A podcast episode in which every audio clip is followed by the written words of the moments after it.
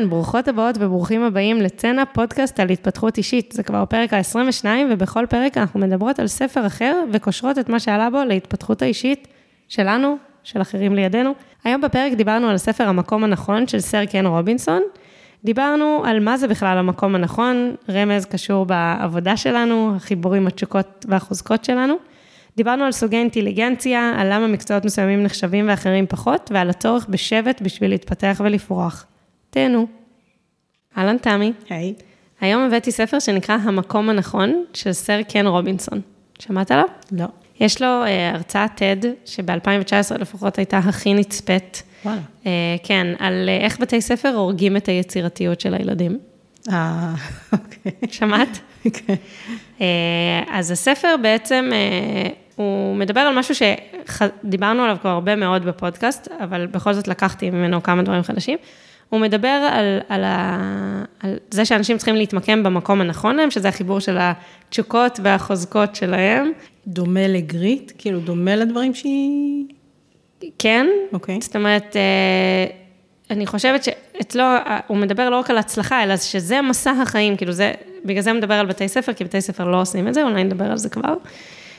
וכשאנשים נמצאים במקום הנכון שלהם, כולם מרוויחים מזה, הם מרוויחים מזה, הם מתקדמים, הם משגשגים, הם פורחים, וגם הסביבה שלהם, כי בעצם המשמעות היא, ושוב, דיברנו על זה מהפרק הראשון, שיש לנו את המקום שאנחנו אמורים להיות בו. זאת אומרת, יש את הדבר שנולדנו איתו, אה, ושהמסע שלנו צריך להיות, אה, לזהות אותו, עדיף כמה שיותר מוקדם, אם בתי ספר היו חכמים, היו עושים את זה. אנחנו בטוח נדבר גם על בתי ספר כבר. ואז אה, להשתפר וללמוד ולהתפתח בתוך, ה, בתוך הדבר הזה. הוא מביא שם איזשהו סיפור נורא מצוטט כזה, על הילדה שהייתה תלמידה גרועה, וההורים לא ידעו מה לעשות, ואז הלכו להתייעץ עם הפסיכולוג, והשאירו אותה בחדר, ונתנו לה איזושהי משימה, ויצאו מהחדר. והתבוננו עליה, מאיזה מראה אה, חד צדדית כזאת או משהו, כן. ואז היא התחילה לרקוד. ואז הפסיכולוג אמר להורים, בבקשה, הנה למה היא לא מצליחה בבית ספר, כי זה מה שהיא צריכה לעשות. כן. אז זה הסיפור בעצם של הספר, והוא מתאר שם מה זה המקום הנכון, וגם הוא מתחיל בתיאור של איך למצוא אותו. אחרי זה יש ספר פולו-אפ שנקרא איך למצוא את המקום הנכון, שזה כבר באמת דיברנו די הרבה בפודקאסט, במיוחד בפרק אה, של גריט. אבל בכל זאת, ו- ואני אגיד שקראתי את הספר, אז כזה הרגשתי, לא, ואני כבר, זה כבר לא מחדש לי, אני כבר מכירה את כל הרעיונות האלה, ועדיין שני דברים שהם מאוד uh, נשארו איתי. אחד, זה שהוא מדבר שם על אינטליגנציות, על סוגי אינטליגנציות. ו- ושיש המון, זה מתחבר לי גם לדרכי הבעה, כאילו כמו שפה. יש המון המון המון דרכים להתבטא, להביא את עצמנו לידי ביטוי. זאת אומרת, אפשר במילים, ומי ביצירה, וחלק בכתיבת קוד, וחלק בתנועה של הגוף. זאת אומרת, יש באמת המון המון דרכים לתקשר לעולם את הדבר הזה שאנחנו ואת מה שאנחנו יודעות לעשות, סוגי אינטליגנציות אה, שונים. וככה זה, זה שונה מבן אדם לבן אדם, והחלק מהחיפוש שלנו אחרי המקום הנכון, הוא לזהות את הסוג אינטליגנציה שלנו. שזה... טוב, רגע, תמשיכי. לא, כאילו, אני תוהה אם זה משהו שאנחנו מגלים, או זה משהו שיש אבחונים מוגדרים והוא מגדיר את ה... כי יש שבע אינטליגנציות, יש כאלה אינטליגנציות מוגדרות ויש איך למדוד אותן. זה מה שהוא מדבר עליו, או לא בהכרח? לא, לא, לא, לא. זה אישי. אין זהה אפילו, את מבינה? אה, אוקיי. כאילו, את יודעת, אומנות, אז מי בציור ומי בפיסול וזה, ושפה, מי בכתיבה ומי ב... אני נגיד, את יודעת, אני יותר מדברת מאשר כותבת, וזאת אומרת, זה... זה, בואי נקרא לזה איך אנחנו, אה, איך אנחנו מתבטאות בעולם, איך אנחנו מביאות את עצמנו לידי ביטוי בצורה הטובה ביותר. וזה זה ממש חידד אצלי כמה דברים. אחד, זה את זה שיש איזשהו ניסיון, וזה באמת חזק מאוד בבתי ספר, וזה בדיוק מה שהספר בא לתת לו קונטרה, כל העשייה שלו, של אחידות, אבל היא פשוט לא קיימת. זאת אומרת, והאיחוד של כל בן אדם, הוא לא רק ב... אה, נקרא לזה בתשוקה, כאילו בסוג חידה שהוא אה, אוהב לפתור, אלא גם באיך. וכל בן אדם מביא את עצמו לידי ביטוי באופן אחר, ולהשטיח את זה, או לנסות לחפש איזשהם דברים אחידים, או לשים את כולם על אותה סקאלה, זה, זה רק מוריד מהדבר הזה. זה ממש, אני, אני אתן רגע איזושהי דוגמה, שבוע שעבר נסענו, עשינו טיול, והגענו בטעות למקום שיש בו תחרות אופנועים כזאת. עכשיו, הם קפצו שם ועשו דברים מטורפים, מטורפים, ש... שאני חושבת שבאיזשהו, אם הייתי לפני קריאת הספר לצורך העניין, אז הייתי כזה, אוקיי, כאילו, קופצים על אופנועים, אבל לא, הם נולדו עם איזשהו משהו, תשוקה ויכולת והבעה שלהם, שהיא קשורה בגוף ובמוטוריקה ולא יודעת מה, שהיא ייחודית להם, אני מקווה שהם במקום הנכון שלהם. אמ, אה, זה יפה שראית את זה ככה. זה ממש, זה, זה כאילו ניער אותי כזה של, לכל בן אדם יש את זה וזה שונה, זה שונה אצל כל אחד. אה, והדבר השני זה שזה דחף אותי עוד יותר ממה שעשיתי לפני זה, לחפש את שלי. ויש אחד לכל בן אדם? כן. וואלה. כן, זה לא אומר שאת לא יכולה להיות רבת יכולות, אבל אה, נגיד, אוקיי, אני נורא אוהבת אומנות, או לפחות ככה אני מספרת לעצמי, כי תכלס, כל פעם שאני עושה אומנות, זה תמיד ליצור משהו פונקציונלי. כאילו, תמיד אני כזה, אני לא סתם אשב ואצייר, אני אצייר כי אני רוצה לתלות ציור בסלון. ואני יכולה לעשות את זה סביר, בעיקר כשאני מסתכלת בפינטרסט ושואבת משם השראה. אבל נגיד, יש אנשים שהם תופסים ביד מכחול, ומה שיוצא שם זה פשוט מדהים. אני לא... יותר מזה, יש להם את התשוקה לתפוס מכחול ללא מטרה, או הם אפילו לא יודעים עוד מה יצא מזה לפעמים. לגמרי, לגמרי. אה, נכון, את צודקת, זה לא סיפור רק של התוצר, נכון, לגמרי. וזה לא סוג האינטליגנציה שלי. עכשיו, זה לא אומר שאני לא יכולה לאהוב את זה. אני גם סימנתי לעצמי ממש יעד להצליח לעשות את זה לא בשביל תכלית, אלא באמת בשביל השחרור, נגיד, או, או המשחק. למה? כי אני אוהבת את זה. ואני רוצה לשחרר את התוצאתיות. אוקיי. כאילו, לא לתת לעצמי ציון על הציור, אלא רגע ליהנות פשוט מהציור עצמו. אבל נגיד, לי זה מאוד ברור שכשאני מדברת, זה המקום הטבעי שלי, כאילו, זה הדרך שאני מביעה את עצמי בצורה הכי טובה. לא במקרה התכנסנו כאן. אני, אני עולה לי, א', האם יש לנו בהכרח אחד? שתיים, מה זה אומר? אוקיי, אז נניח שאת גילית שאצלך זה הדיבור. נניח שאני חושבת שאצלי זה הכתיבה. ששוב, אצלי למשל זה הצורך לכתוב, זה לאו דווקא הצורך לפרסם, לא יודעת אם זו כתיבה שהיא איכותית, או אני יום אחד אוציא אותה, אבל קיים הצורך והכי קל לי לבטא את עצמי בכתיבה. אז מה? אוקיי, אז קודם כל, תעשי טובה לעצמך עם המקום הזה שכבר זיהית שהוא מקום נכון בשבילך, את תתמקמי בו. אה, כי מה? כאילו זה מתחבר לי לאז מה? כי מה? זה המימוש שלנו. אנחנו מדברות הרבה על כל מיני מושגים, על עושר, הצלחה, חיים מלאים. בסוף כל אחד בוחר לעצמו כאילו את האינסנטיב שלו ואת הדבר שהוא רואה לעיני רוחו. אני מתחברת לחיים מלאים, נגיד, כי עושר, אני לא יודעת, או משמעות, אנשים, זאת אומרת, זה לא כזה משנה בסוף, זה כאילו, כל אחד עם ה, איך, מה שהוא מכוון אליו, או מה שהיא רואה ש, שזה השאיפה שלה. ולגבי השאלה האם זה אחד, האם זה סוג אחד רק של אינטליגנציה, אני חושבת שלכל הפחות יש את מה שמוביל. זאת אומרת, יש את הדבר, זה המתנה הזאת ש, שנולדנו איתה. עכשיו, שוב, יכול להיות שאת גם יודעת לצייר יפה, או לרקוד יפה, בסדר, אבל אם את תעברי תהליך שהוא טוב, אה, שיעזור לך בסוף לזהות, זה כאילו מושך אותך, זה כאילו קורה לך. אני, נגיד אחד מהדברים שמדברים עליהם סביב אושר זה זרימה, חוויה של זרימה, הוא גם מדבר על זה ש, שהזמן פשוט עובר ו- ואת לא שמה לב. כן. אז איפה זה קורה, אחי? כאילו זה, זה, זה גם העולם מרוויח כשאנחנו מצויות במקום הנכון שלנו, כי זה המתנה שבאנו לתת לעולם, זה הדבר ש... אבל בעיקר, אנחנו חיות את החיים באופן מלא, כי זה המימוש שלנו. זה כאילו כמו איזה, אומרים את המילה פוטנציאל הרבה פעמים בבית ספר, אומרים פוטנציאל לא ממש. כן, אולי כי בית ספר לא נתן לילדה הזאת כאן ציור, או לילד הזה לרקוד, אז כן, הפוטנציאל שלהם לא ממומש. לא כולם אמורים ללמוד מתמטיקה ולשבת בכיתה כל כך הרבה שעות בלי לזוז. ואז מה- נניח באידיאל, בית ספר מבחינתך לאור זה בעצם היה אמור להיות, נניח לאו דווקא מלמד ומכוון, אלא מאפשר, פשוט פותח כל מיני יכולות להתנסות. קודם כל, זה מאוד מאוד ברור לי שהדרך הכי טובה היא ביצירת התנסויות טעימות, נקרא לזה. זה לי מאוד מאוד ברור, אגב, שכל החיים, זה מה שאנחנו עושות פה בפודקאסט, טעמנו, ניסינו, אהבנו, נשארנו. ככה אני עושה כל דבר שאני עושה בחיים שלי. אני תואמת, מקשיבה לבטן שלי, רואה אם זה מתאים לי, אם זה מתאים לי, נשארת. כן, זה, וזה אגב skill שאני מלמדת את עצמי אותו בגיל 30, במקום שילמדו אותי את זה בבית ספר. כי יש, כאילו, שוב, אני לא רוצה להיות יותר מדי אה, היפית פה, אני לא יודעת מי מקשיב לנו, אבל הידיעה הפנימית הזאת, שאנחנו צריכות להתחבר אליה, כאילו, יש כזה המון המון שכבות אליה, אבל אני חושבת שזה קשור לכל מיני דברים.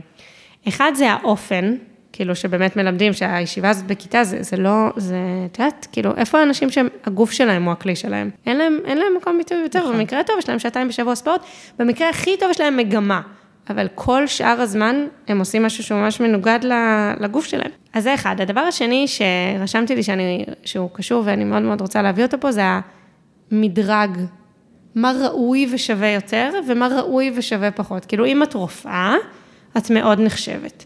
אם את אומנית מאוד מצליחה, אולי את נחשבת, אבל רוב הסיכויים שאם את אומנית, את פחות נחשבת. אם מה שאת עושה למחייתך זה מדריכת פילאטיס, את בוודאי נחשבת פחות מרופאה ועורכת דין. עכשיו, איזה דבר הזוי זה שיש, ויש לנו את זה חזק מאוד בתרבות שלנו. תמי, יש את זה חזק מאוד. לא, לא, לא, הפרצוף שלי, למאזינים, ירדן רואה סימני שאלה על הפרצוף שלי. אה, לא, זה לא התנגדות לעצם האמירה שיש מדרג, לגמרי יש מדרג.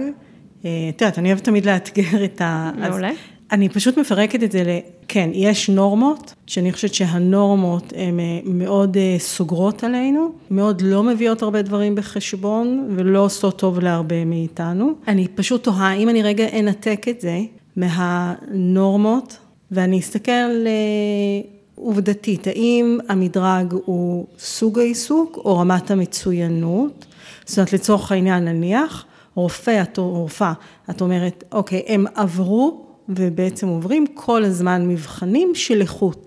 לכן מי שהצליח להתקבל ללימודי רפואה, לסיים אותם, לגמור התמחות ולטפל בלי להרוג את החולים שלו, יש לו איזשהו תו תקן, אוקיי? לעומת זאת, יש הרבה מאוד תחומים שבעצם אף אחד לא ממש בוחן אותך וגם לאורך הדרך אין בקרת איכות. השאלה אם נניח אבל כן יהיה, לא יודעת, נגר מדהים, נגן פסנתר מדהים, לא יודעת, אז אני, אני אענה לך. אני אענה לך, אוקיי? אוקיי? כי נגיד עובדות סוציאליות, שהן בין הנשים שעושות הכי הרבה טוב בעולם הזה, הן מאוד לא נחשבות, ויש להן הכשרה, הן עושות הרבה פעמים תואר שני, הן לא מפסיקות ללמוד, זו עבודה מאוד מאוד קשה, ולא, הן לא נחשבות וגם לא מורות. השאלה אם יש עליהן בקרת איכות. זה לא הסיפור, זה לא, זה לא, מזה, זה לא הסיפור. לא, לכן אני אומרת, אני מסכימה שיש גם את העניין של הסטטוס והנורמה, אני מנסה להבין אם יש פה עוד איזשהו מרכיב, ואני יכולה אגב להגיד לך שלמשל סביב עבודה סוציאלית, הרבה פעמים עולה אצלנו בבית, אה, גילוי נאות בן זוגי יאיר הוא עובד סוציאלי, אה, השאלה גם כמה פרופסיה מסוימת, תחום עיסוק, הם תופסים את עצמם, ששוב, זה כמובן תולדה של הנורמות ומה שעשו להם, כן? אבל עד כמה... אה, הם תופסים את עצמם כפרופסיה ומתעקשים, כי למשל עובדות סוציאליות, הן גם עובדות בתנאים ש... לא מאפשרים להם איכות, אה, נכון? ואין להם שום סיכוי נגד המערכת. אז השאלה גם, את מבינה מה אני מתכוונת? כי אני רואה על הפנים שלך שלא לגמרי. לא, אני, אני לא חושבת, אני, לא את כאילו, מאשים. את עושה מיקוד בקבוצה, בקבוצת המקצוע, אוקיי? את אומרת, כאילו, עד כמה הם דורשים איזשהו רף גבוה מספיק, לא, או... לא, כל אחת אישית אפילו, את יודעת, אפילו תלכי רגע ליועצים, או בואי רגע נדבר עליי, אוקיי? אוקיי. אני אדבר רגע עליי. כשאני מגיעה לעשות אה, איזושהי תוכנית או ייעוץ, והרבה פעמים אה, יש תנאים שאני יודעת, אה, ואפרופו זה מתקשר גם לבתי הספר, מה אנחנו מצפים מבתי ספר ואיזה תנאים אנחנו נותנים להם. שאני אומרת, אם אתם רוצים תהליך כזה, הוא צריך להיות מינימום של איקס מפגשים, גודל קבוצה לא יכול לעלות על זה וזה. כי אני יודעת שאם הקבוצה תהיה גדולה מדי או לא יהיו מספיק מפגשים, או זה יהיה בתנאים שמקשים עליהם, הם לא יהיו פנויים לתהליך, אוקיי? זה איזושהי בקרת איכות שאני עושה בדרישות שלי. זה, כתיאוריה זה מעניין, אבל אז יש לך פתאום רופאים במיון שהם עדיין נחשבים, ובואי, אין שם, אה, שם מצוקת אה, נכון, אבל גם בין הרופאים יהיו לך סטטוסים. ושוב, אני לרגע לא מתווכחת עם ההבניה החברתית המאוד אני, אני חייבת, אני חייבת כאילו רגע להגיד שמבחינתי הדיון הזה הוא מעניין בדיוק בגלל שהוא לא מעניין. אני אסביר.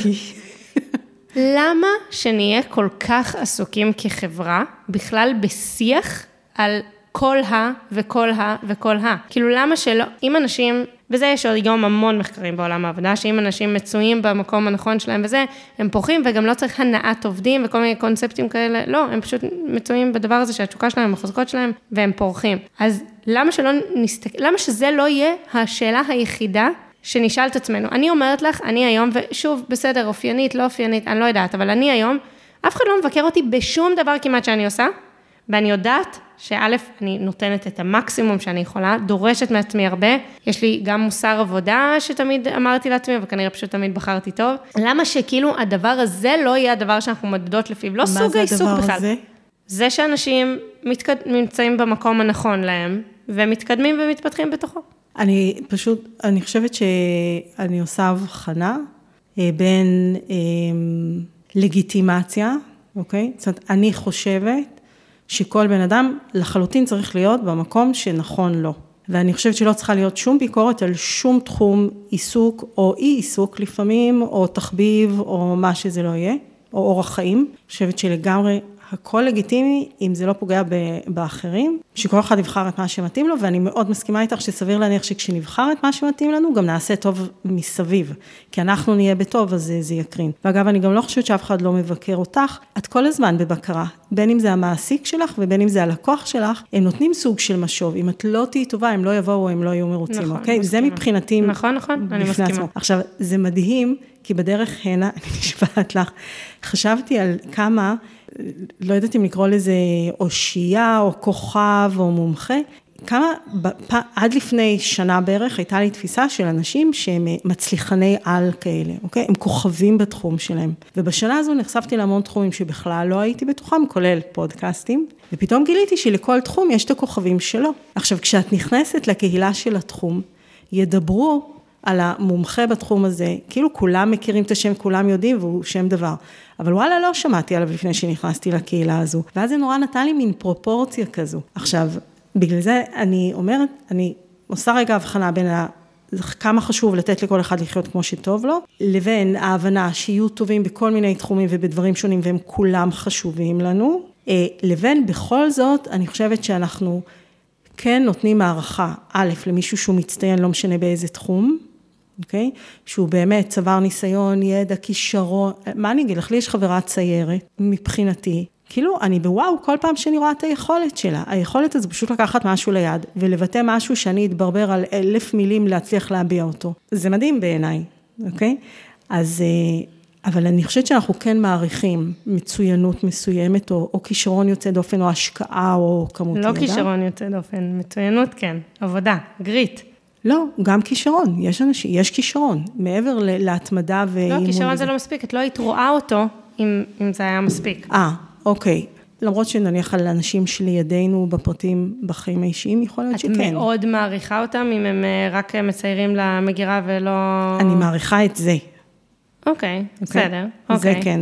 ואני כן חושבת שיש את המקום, ופה זה מתקשר לי כשאת שואלת למה אנחנו לוקחים את זה לגדול ולכולם, של ערך המוכר או נראה חברתי. זאת אומרת, רופא שמציל חיים ומשנה את... או רופאה. או רופאה, כן, לא יודעת למה אני מדברת בלשון זכר. והרפואה שינתה לנו את כל אורך ואורח החיים, ברור לי למה זה זוכה ליותר הערכה, נניח מעיצוב נוף. אוקיי, אז לי לא. אוקיי. לי לא, בגלל ש... ואגב, אני חושבת, אגב, אה, לא גברי נשי, אבל אגב, דיברנו על אה, תוצר לעומת תהליך, העיצוב נוף הזה הוא חשוב, הוא חשוב, כי אנחנו חיים, אנחנו רואים את זה, וזה גורם לנו לשמוח, ושיהיה לנו נעים, ולא לזרוק את הזבל, ולשמור יותר על איכות הסביבה, זאת אומרת, אני, יש לי באמת עניין, תמיד אגב זה העסיק אותי, אגב מילדות, כי היה לי קושי עם זה שאנשים מסוימים שקופים ולא מודים להם וזה, על, על המדרג הזה של מקצועות, אני גם חושבת באמת, גם מקצועות שאנחנו נגיד מקצועות פיזיים, אז הרבה פעמים אנחנו כאילו פחות מעריכים אותם, אבל למה? למה? זה ממש ממש מוזר ודבילי. א', צריך שאנשים יעשו את זה, אבל זה לא רק זה. גם, אוקיי, אני אתן רגע דוגמה שהיא אולי תהיה מצחיקה, אבל אני חושבת שהיא סימבולית. נכון, יש אה, ניקיון של חלונות כזה, דיברנו על זה לדעתי באחד הפרקים. מה, בסנפלינג? כן. כן. איזה יפה זה. כן. עכשיו, אני, אני... לא הייתי עושה בחיים. לא, אבל עזבי סנפלינג, לא רק, לא, בכלל, הפעולה הזאת של כאילו להשפריץ חומר על הזה, ואז לנקות. נגיד, זה פעולה שאני גם מעריכה אותה, ואני גם יכולה להבין למה שהיא באמת תמשוך אנשים. אני יודעת שרוב מי שעוסק בזה לא נמצא שם מבחירה, אני לא משלה את עצמי. אבל אני קודם כל מכירה מישהי שניקתה מבחירה, היא עשתה גם בייביסיטר והיא בחרה גם לנקות, זאת אומרת, היא הייתה צריכה עבודה, כן? והיא הפסיקה לעשות את זה כי היא התביישה אגב להגיד שהיא מנקה, והיא אהבה את זה, זה נתן לה סיפור, כי היא הייתה מסיימת לנקות, היה לה כיף, היא גם נהנתה מהפעולה, כאילו היא אהבה את הריח, היא... באמת. למה אנחנו כאילו מניחים שיש דברים ש... זה סבבה ליהנות מהם ולאהוב אותם, ודברים ש, שהם פחות. לא, זאת אומרת, זה בדיוק ההבחנה שאני עושה. פה אני לגמרי איתך. אני ממש לא חושבת שצריך להיות פה מדרג. אה, ואני גם, קשה לי עם, זה, עם הקביעה החד משמעית על מה משפיע על החיים שלנו יותר לטובה. לא, אני אמרתי למה יש נראות מאוד ברורה של משפיע על החיים שלנו. מעבר לזה שאני חייבת להגיד, מי כמוך יודעת כמה עיצוב נוף לי משנה את החיים, אני עדיין חושבת שיש דברים שסביר להניח שהם יותר משנים לנו את החיים. הם משנים באופן אחר, הם אולי מעריכים את החיים שלנו יותר. שוב, כל, ברור שמה שמציל ממוות זה נראה נורא נורא נורא דרמטי, אבל בואי, כל החיים יש לנו נפילות וקימות, וכאילו, לא יודעת, לי, יש לי, יש לי שם איזה עניין... אה, אני, אני כן אתחבר רגע למקום הזה, שבו אנחנו לא מבינים איך זה משפיע עלינו לחיים, ולכן אנחנו לא מספיק מעריכים את זה. גם, אבל לא, אצלי זה יותר יושב על הסיפור הזה של היוקרה, שהוא... אני מבינה אותו, וזה מקצר תהליכים לאנשים, אה, זה אפקט העילה, דיברנו על זה בזה. אה, היא רופאה, אז היא בטח גם חכמה וטובת לב, אה. זה כאילו מקצר לנו, אבל... טוב, לא, זה כבר סיפור אחר. אוקיי, אבל אני רוצה רגע, אני עוזבת את זה שנייה, ואני חוזרת רגע, הדבר האחרון שאמרת, על הקהילת פודקסטרים. רגע, אבל אני חושבת שצריך פה הבהרה רק למאזינים, כי זרקנו בינינו, ולא לא אוקיי. בטוחה שברור מה אמרנו, אוקיי. של כן, שזה שמישהו, נניח הוא... מצטיין, השקיע, עוסק בסטט, במשהו שיש לו סטטוס, אנחנו הרבה פעמים ניטה לחשוב שהוא גם מאוד טוב בדברים אחרים, או לייחס לו ערך כללי יותר גבוה, ופה אנחנו מסכימות שצריך לעשות הפרדה. זה כן. כאילו מה שזרקנו בינינו לפני רגע. כן. אה, אוקיי, אז הדבר האחרון שאמרת היה שכשנכנסת לעולם של הפודקאסטים, פתאום שמעת על הכוכבים והכוכבות בעולם הזה, שלא הכרת לפני, וזה מחבר אותי לדבר השני שרציתי להביא, או העשירי, או השני עשר, לא יודעת, אה, זה, על, על שבט, על קהילה.